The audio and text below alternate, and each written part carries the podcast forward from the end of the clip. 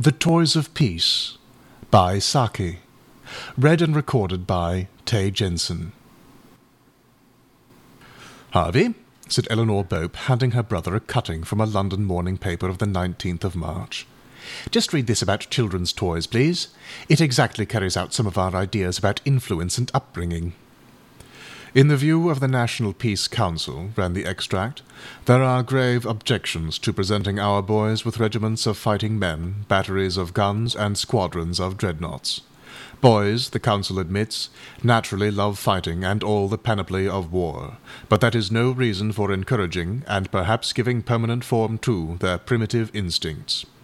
At the Children's Welfare Exhibition, which opens at Olympia in three weeks' time, the Peace Council will make an alternative suggestion to parents in the shape of an exhibition of peace toys.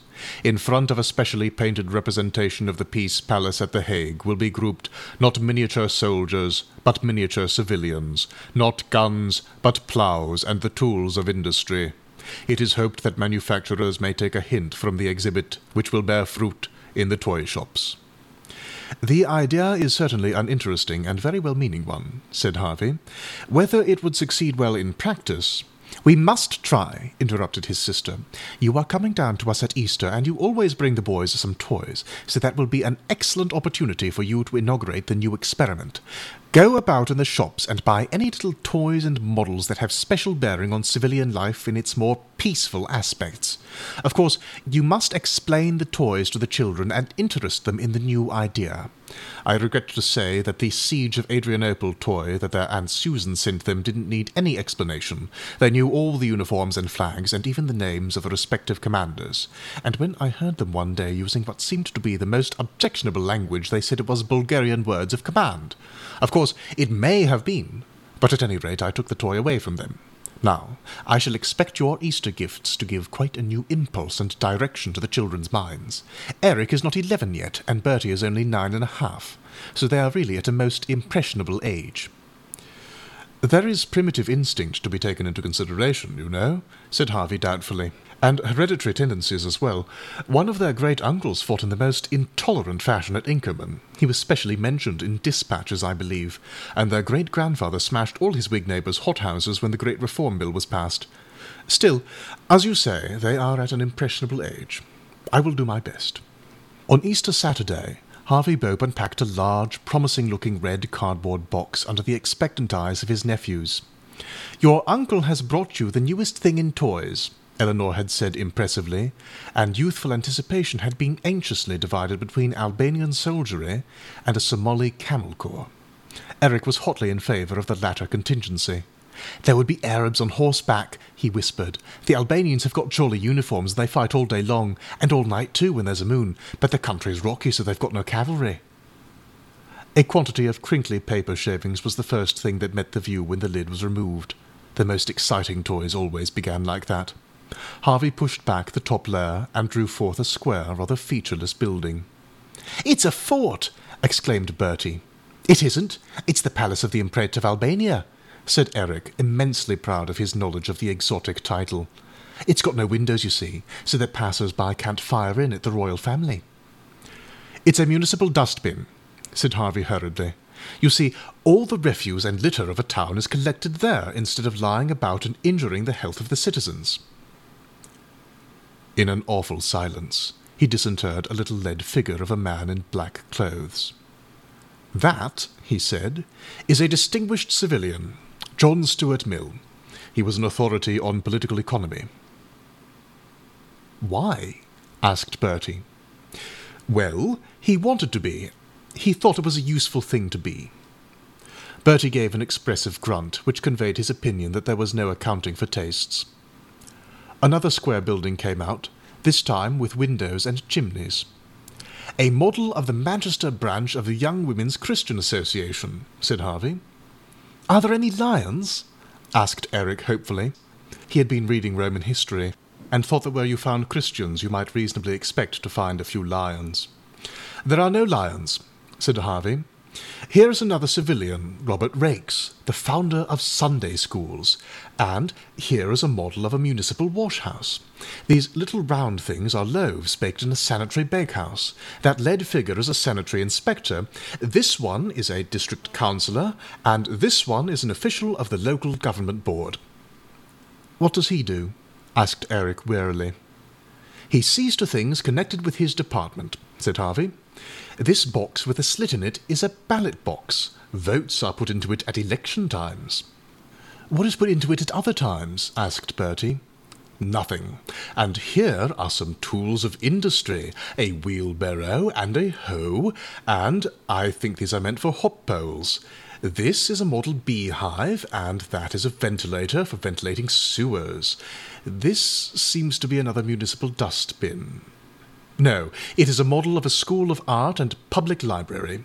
This little lead figure is Mrs. Hemans, a poetess, and that is Rowland Hill, who introduced the system of penny postage. This is Sir John Herschel, the eminent astrologer. Are we to play with these civilian figures? asked Eric. Of course, said Harvey. These are toys. They are meant to be played with. But how? It was rather a poser. You might make two of them contest a seat in Parliament, said Harvey, and have an election. With rotten eggs and free fights and ever so many broken heads, exclaimed Eric. And noses all bleeding and everybody drunk as can be, echoed Bertie, who had carefully studied one of Hogarth's pictures. Nothing of the kind, said Harvey. Nothing in the least like that.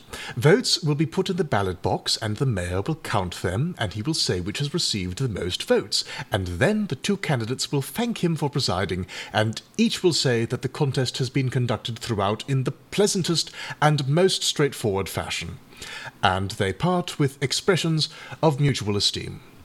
There's a jolly game for you boys to play. I never had such toys when I was young. I don't think we'll play with them just now, said Eric, with an entire absence of the enthusiasm that his uncle had shown. I think perhaps we ought to do a little of our holiday task. It's history this time. We've got to learn up something about the Bourbon period in France. The Bourbon period, said Harvey, with some disapproval in his voice. We've got to know something about Louis the Fourteenth, continued Eric. I've learnt the names of all the principal battles already. This would never do, there were, of course, some battles fought during his reign, said Harvey, but I fancy the accounts of them were much exaggerated.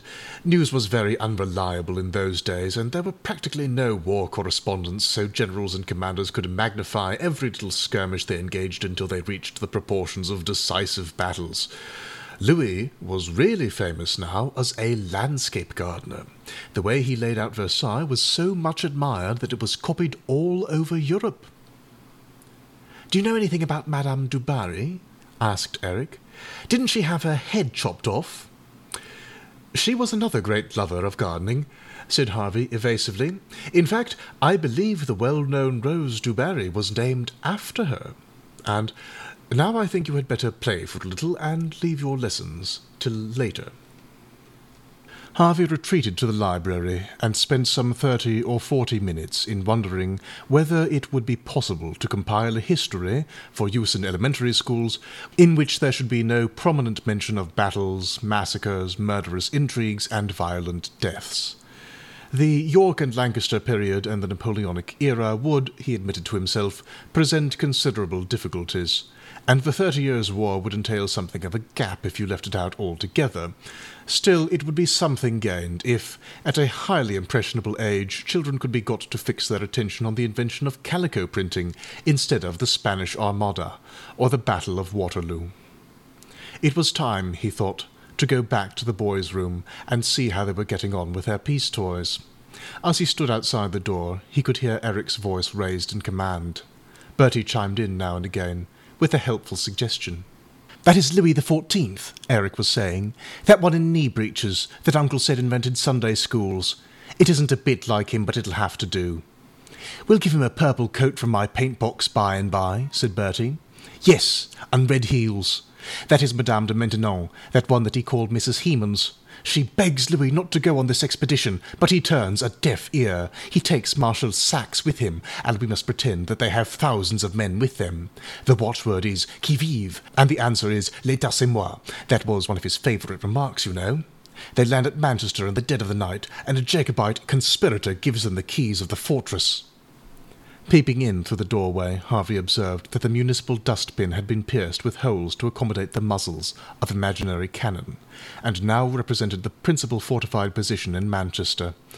John Stuart Mill had been dipped in red ink, and apparently stood for Marshal Saxe. Louis orders his troops to surround the Young Women's Christian Association and seize the lot of them. Once back at the Louvre, and the girls are mine, he exclaims. We must use Mrs. Hemans again for one of the girls. She says, Never! and stabs Marshal Saxe to the heart. He bleeds dreadfully, exclaimed Bertie, splashing red ink liberally over the facade of the Association building. The soldiers rush in and avenge his death with the utmost savagery. A hundred girls are killed. Here, Bertie emptied the remainder of the red ink over the devoted building, and the surviving five hundred are dragged off to the French ships. I have lost a marshal, says Louis, but I do not go back empty-handed. Harvey stole away from the room and sought out his sister. Eleanor, he said, the experiment, yes, has failed. We have begun too late.